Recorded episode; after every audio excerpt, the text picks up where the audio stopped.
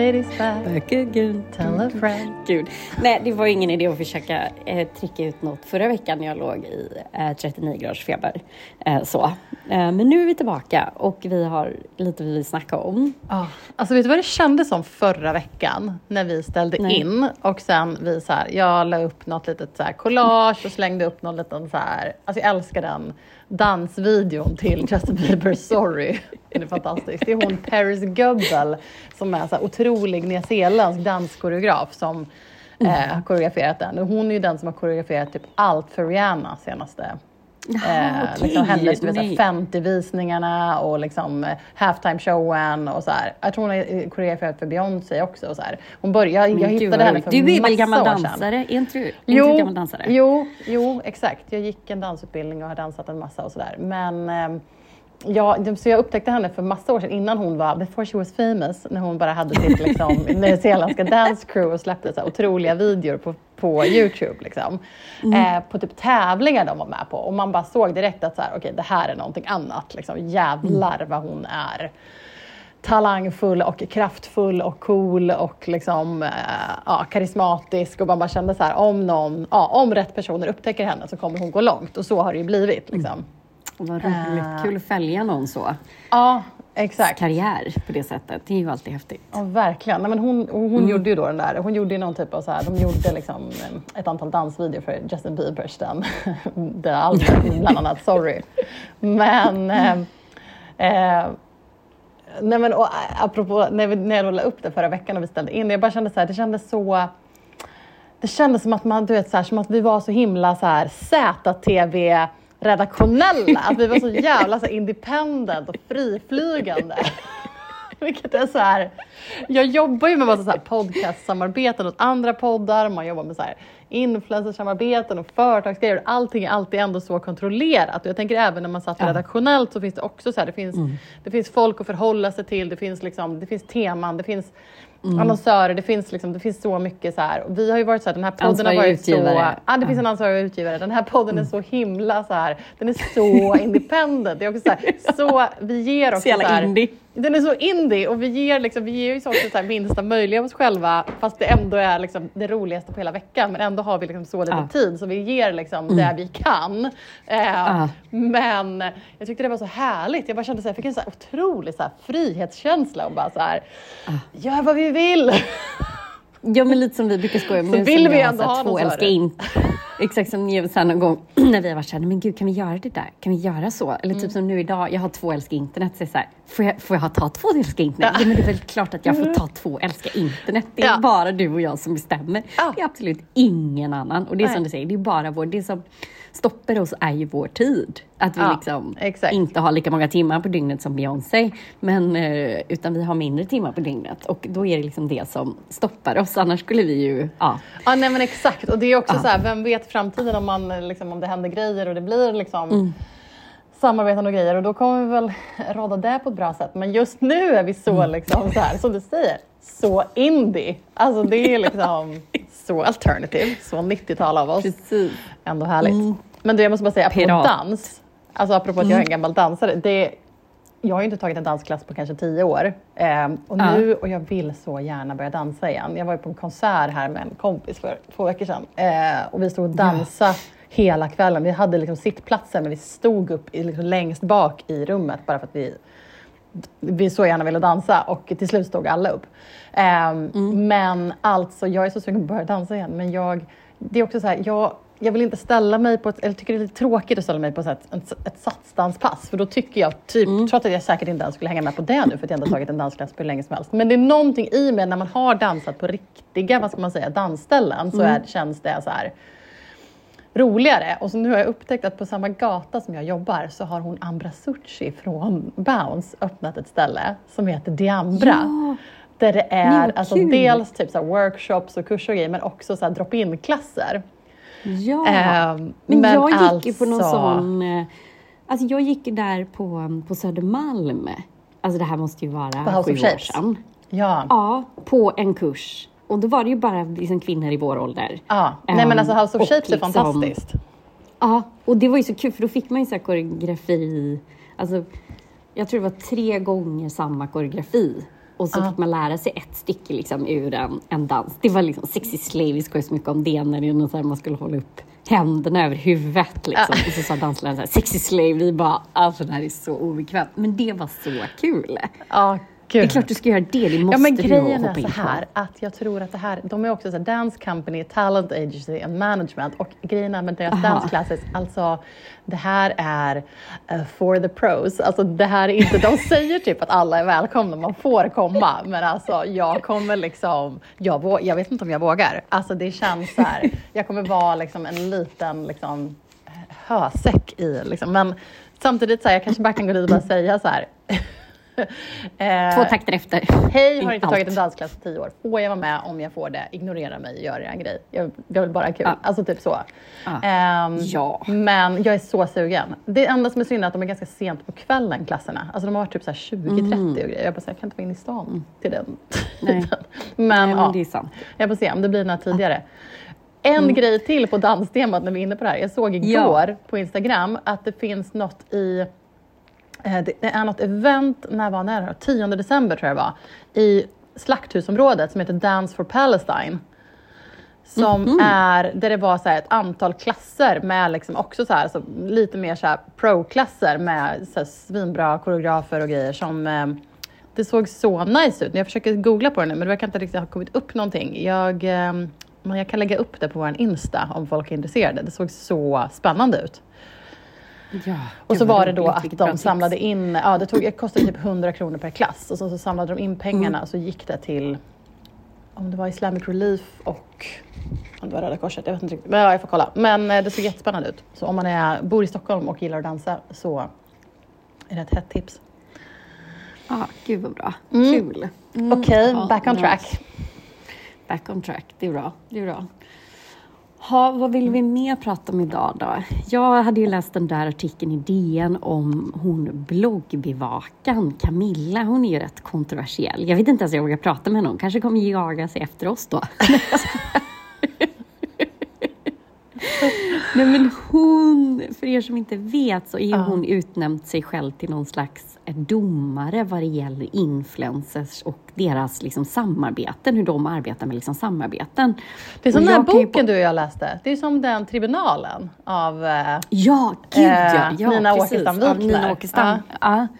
Mm. Precis. Ja, att liksom utnämnd så här, vad man får inte göra och vad som anses rätt och sådär. Och Hon har ju såklart läst på, hon är ju inte jurist eller så, men hon har ju såklart läst på liksom marknadsföringslagen. Och det här är ju, jag kan ju å ena sidan tycka att hon gör ett bra jobb i vissa fall för att det är ju en väldig gråzon influencer liksom marknaden och de samarbeten och hur det annonsmärks och hur de får betalt och hur de skattar. Men det finns ju liksom, det här är ju väldigt grått och lagstiftningen är ju ganska um, lite tveksam och som vi har pratat om tidigare, det här med vem är ansvarig utgivare för en influencer? Vem är liksom, uh, vem uh, Ehm, vad, är liksom, vad är bra innehåll och vad följer de reglerna? Det är kanske inte så att man gör liksom alkoholreklam, då blir man väl nedstängd. Men det finns ju liksom men det har gjorts reklam för kanske plastikoperationer på ett sätt som är det lämpligt. Behöver det vara någon kanske märkning med 18 år? Alltså det finns ju liksom, det finns ju en, det finns ju, lag- lagstiftningen har ju inte hunnit med här. Nej. Sen är ju hon otroligt svartvit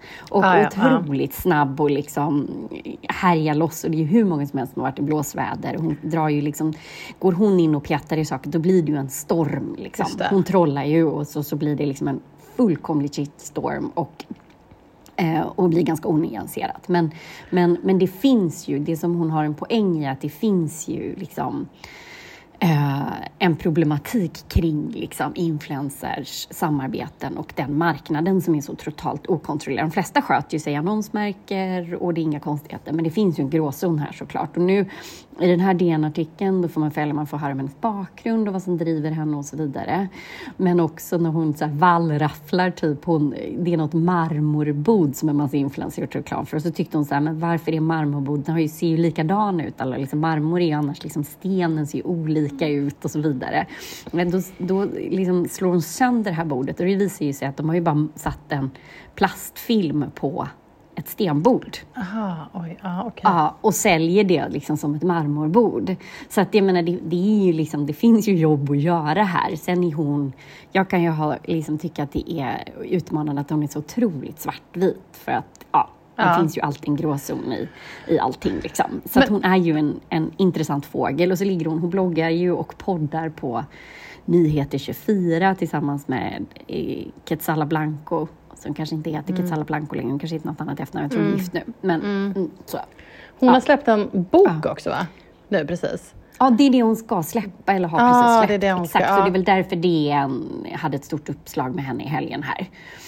Eh, precis. Där Så har jag ja, en, eh, nej, Jag, jag känner så här, jag, jag har liksom inte jag, har inte, jag har inte följt hennes kanaler överhuvudtaget så jag vill liksom inte ge mig in i snack om henne. Men jag har en eh, liten kritik när det gäller boken. Jag bara kollar på omslaget. Jag tycker det är lite, lite slapp titel. De kallar oss influencers. Den är så använd. De kallar oss, Ja. jag har i min bok här, de kallar oss eh, vad kallar de? De kallar oss, de som är om så graffitikonstnärer, som är, de kallar oss någonting. Det finns ju också så här, Ja. de kallar oss eh, Mods, var ju den mods, första som exakt, den här de kallar oss filmen från mods, de kallar 70-talet. oss- Liksom. Alltså det känns lite så här, om ni inte ska referera bakåt till typ de kallar oss mods eller någonting sånt. Vilket, om hon gör det i den här så ja, då tar jag tillbaka min kritik. Annars känner jag så här att det är ett eh, använt uttryck som eh, Ja. känns... Eh, kunde workshoppat den titeln ett varv till. Precis, redaktören kunde workshoppat den titeln lite. exakt. Liksom. exakt. Ja. Ehm, Ja, okej. Men- Men, men det är ju också följer konstigt du att det inte har detta med kommit- liksom spänning eller med intresse eller med liksom... Nej, men jag faktiskt avföljde henne för jag tyckte att hon, det blev liksom, det var liksom, det svingade så otroligt liksom utan att ställa liksom en följdfråga. Okej, men varför liksom? Ja. Eh, och, och, och en hon har liksom Ja, men det blir, jag har ju alltid svårt när de här dreven går, vare sig folk har gjort fel eller inte. Eh, för att det är ju så här, det finns ju alltid en förklaring till varför människor gör dumma saker om man inte är liksom fullkomligt blindgalen eller dum i huvudet. Men liksom, att det finns ju förklaringar till att varför folk gör misstag ibland. Och, och jag är liksom en person av att tycka att folk får göra misstag, vad det nu i paritet till vad. Man får ju sätta det i paritet till vad. Och jag har så svårt när drevet går. Liksom. Ja. Att ingen människa ska behöva liksom Ehm, alltså då ska det ju verkligen vara att man har mördat någon eller man har gjort liksom ett straff som inte går att återkalla men att man liksom inte har annonsmärkt en, ett, ett inlägg kanske kan vara faktiskt ett honest mistake så och man kanske inte behöver ha någon slags liksom fullkomligt drev på detta. Och det har jag, jag har svårt för den liksom uppiskade retoriken som hon kör. Det har jag så otroligt svårt för så jag bara typ avföljde henne liksom. Sen tycker jag att hon är en viktig spelare. Det behövs ju fler granskning av detta. Så det skulle behövas fler och framförallt riktig liksom, lagstiftning och så vidare. Så det är väl liksom Alltså jag, jag, min take på det. ja, jag tänker direkt på hon eh, Lalinda som väl är liksom en föregångare då inom detta. För hon var ju sån som, hon skrev ju massor om det här och hon grundade ju sen det här, alltså branschorganisationen Influencers Mm. of Sweden som väl typ är som ett fack för, en branschorganisation för, för influencers. För, ja. Mm. Så, det, ska, det står här att de arbetar tillsammans för samverkan mellan influencers och gemensam branschetik. Det känns som att de kanske eh, tog en lite annan liksom, approach till eh, detta. Eh, Linda Hörnfeldt, ja. Eh, ja. Ja. Nej, Mm, men, okej. eh, mm. Ja, nej men intressant. Se. Ja, nej, men så det var väl liksom emellan feberdimmorna Mm. tittade jag, läste jag det här. ja, mm, Spännande. J- Vad ville jag prata om? Jo, jag, eh, tillbaka till, eh, vi, var inne lite grann i början på att vi, eh, att vi är så indie och lite 90-tal med vår approach. Och apropå det så vill jag prata om att Filippa K lanserade ju en ny kollektion här för någon vecka sedan. Eh, som, och ett nytt så här, monogram. Och det, är, det heter The 1993 Capsule Collection. Eh, Och det är då att det hyllar deras eh, 30-åriga eh, anniversary. Deras 30-åriga jubileum. De har funnits i 30 år. Det startades 93. Och ehm, det står att de är så här, paying homage to Filippa K's founding decade. Iconic minimal silhouettes are crafted with a modern, modern edge to create the ultimate 90s for now wardrobe. Och de har då också eh, lanserat ett monogram som är liksom så en nia och en trea. Så. Monogram är ju väldigt, eh, det känns som väldigt många märken vill ha just nu. Ehm, och sen har jag ett citat då från Lisa Kessler som är deras creative director. Hon skriver Filippa K has always had a spirit of freedom, sensuality and effortlessness. And when it launched in the 90s it embodied the power of ease in one's wardrobe. Our values are just as relevant today as they were 30 years ago, and this collection reconnects with that simple and refined approach to getting dressed. Och jag tyckte det här var så här, jag såg bilder från eventet, det kom upp så här bilder från kollektionen och de kampanjbilderna har pratat och jag eh, gillade verkligen den här kollektionen och hela grejen. Vad jag, kul. ja, och jag tyckte det var snyggt, jag tyckte det kändes väldigt så här, 90-tal Skandinavien, alltså skandinaviskt 90-tal. Alltså det är så mycket Nina Mm. Var det ett Persson par i cardigans. med kanske? Nej men alltså du vet, det är så mycket, så här, det är så mycket svart. Alltså det är väldigt så här, du vet Nina Persson i cardigans. Alltså du vet det är, Mhm. en, tänk dig en bikerjacka men du vet eh, eh, dragkedja i mitten med en sån här liten krage och ett, Ja. här, du vet, ett linne som är lite kanske kroppat men med en, att det går upp i halsen lite, du vet, svart. Ja, ja, ja. Mm. Och sen så svarta, svarta ganska raka byxor, en stickad luvtröja, en, alltså det här är ju så mycket, en eh, svart, lite längre eh, denimkjol. Ehm, five pocket skirt. Mm. En båt, det måste ju vara något båtringat också tänker jag. Ja, absolut. Utan Eller, att ha ja, men sett lite den så här kollektionen. båtringat eh, linne, en så lite kroppad, Mm. stickad svart tröja med luva, en klassisk bikerjacka, ehm, eh, en inside out sweater som är liksom, du vet, som man har så här sömmarna utanpå. Ja. Eh, nej men och så bilderna också, du vet med så här, svarta denim jeans, någon svart kappa. Det är liksom inte det 90-talet som har varit kanske Nej. liksom inne de senaste åren, utan det här är verkligen så här lite mörkare, lite mer så här skandinaviskt 90-tal och det uppskattade kul. jag verkligen. Ehm, Mm, och jag att det inte är liksom past... nej, Nej, exakt. här- Det är inte bara den här liksom, populariserade grunge 90-talet utan det är liksom en Nej. annan mer. Eh, och som känns som att den verkligen så här, ja, men kopplar an till deras arv. Och jag tycker det är lite kul med Filippa K för de är ju ändå ett av de varumärkena, Ah. svenska modevarumärkena som verkligen har ett arv och som kan Mm. göra den här typen av kampanjer och se tillbaka på någonting som var liksom var väldigt coolt och det känns som också som att de har haft en resa där de gick ifrån att vara ganska coola till att bli väldigt mainstream. Och att, att Ja. till den grad att jag vet att vi brukade prata om Filippa K-tjejer som tjejer som typ Alltså du vet, typ jobbar på bank och är så här, bara har allt, alltså men så sjukt så här, put together, du vet. Man har så här, Ja. man har sin väska, man har sin tröja, man har sina hudvårdsprodukter, allt är så himla, alltså att man är väldigt ordnad och väldigt, alltså snygg men basic. Alltså typ så, om man ska vara krass. Eh, väldigt vuxen så. Man har sin kashmirtröja. Man har ett vuxet jobb. Ja, ett Ja, man har ett vuxet, vuxet jobb. jobb. en vuxen lägenhet. Man beter sig som en vuxen människa. Alltså så här, och jag vet att jag har känt så här, att jag har känt ganska så här, eh, ja, men, vad ska man säga, att jag har känt, eh, inte avund, men att man, vet, man har känt sig som en liten så här rörig liten eh, eh, litet barn i jämförelse med de här Filippa K-tjejerna. För att jag känner att jag kommer Ja. aldrig ha ett så ordnat badrumsskåp som de har. Nej, nej. Du vet, det, är liksom, det, det kändes som så sinnebilden av en en vuxen kvinna som jag liksom aldrig riktigt blev trots att man liksom snart är 40. Nej.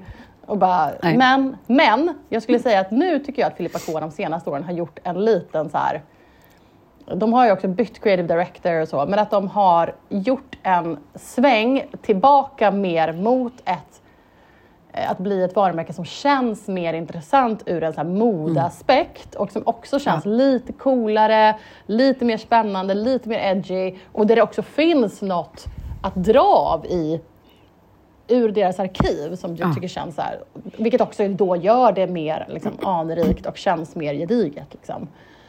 Ehm, så verkligen. att, eh, vad tycker du? Vad är din relation till Ja, Filippa. K?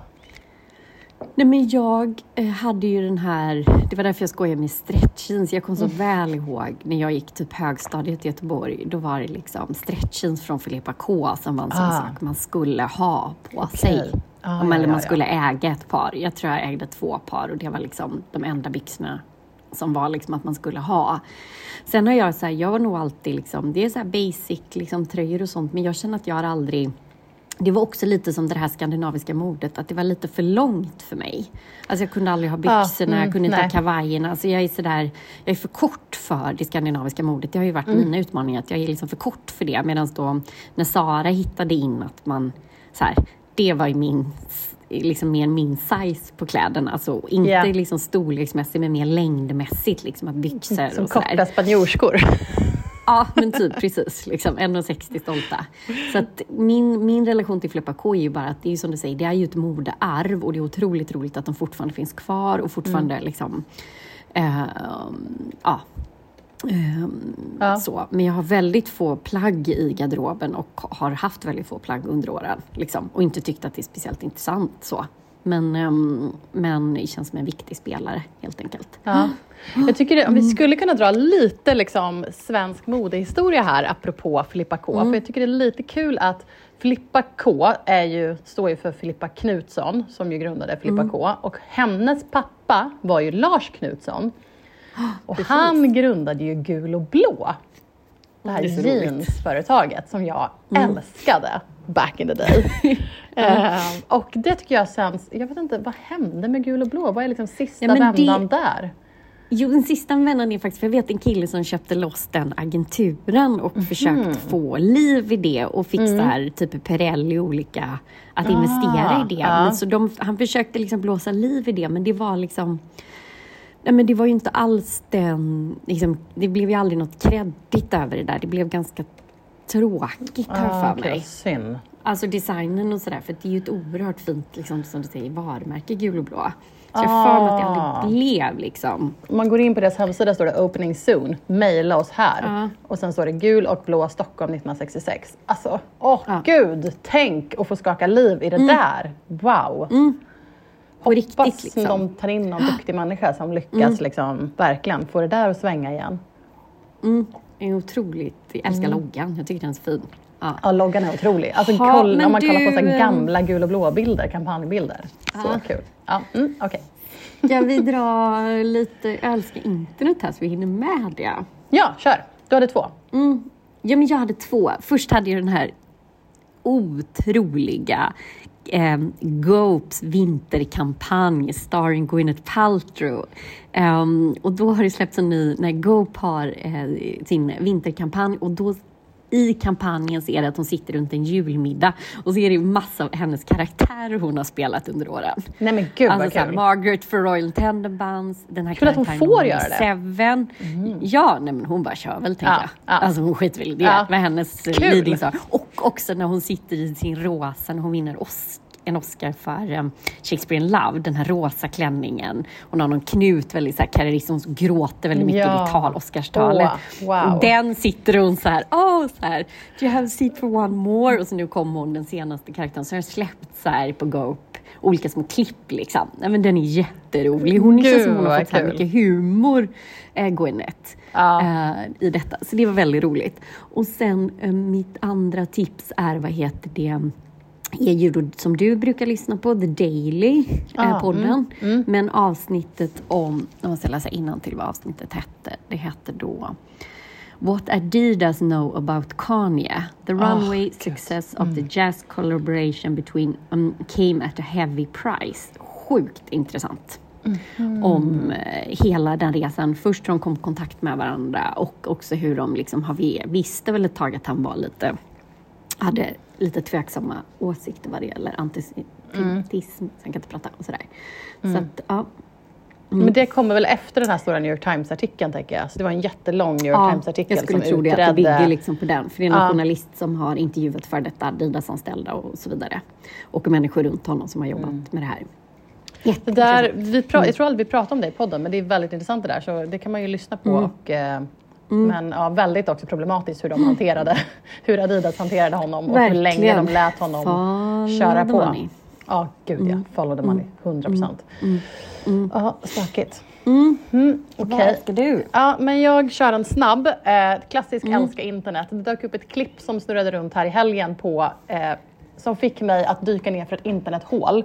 Eh, klippet Mm. var på tusen personer som alla spelar Smells Like Teen Spirit av Nirvana tillsammans. Det här, jag var tvungen att undersöka vad det här var. Och det är då ett band som heter Rockin' Thousand.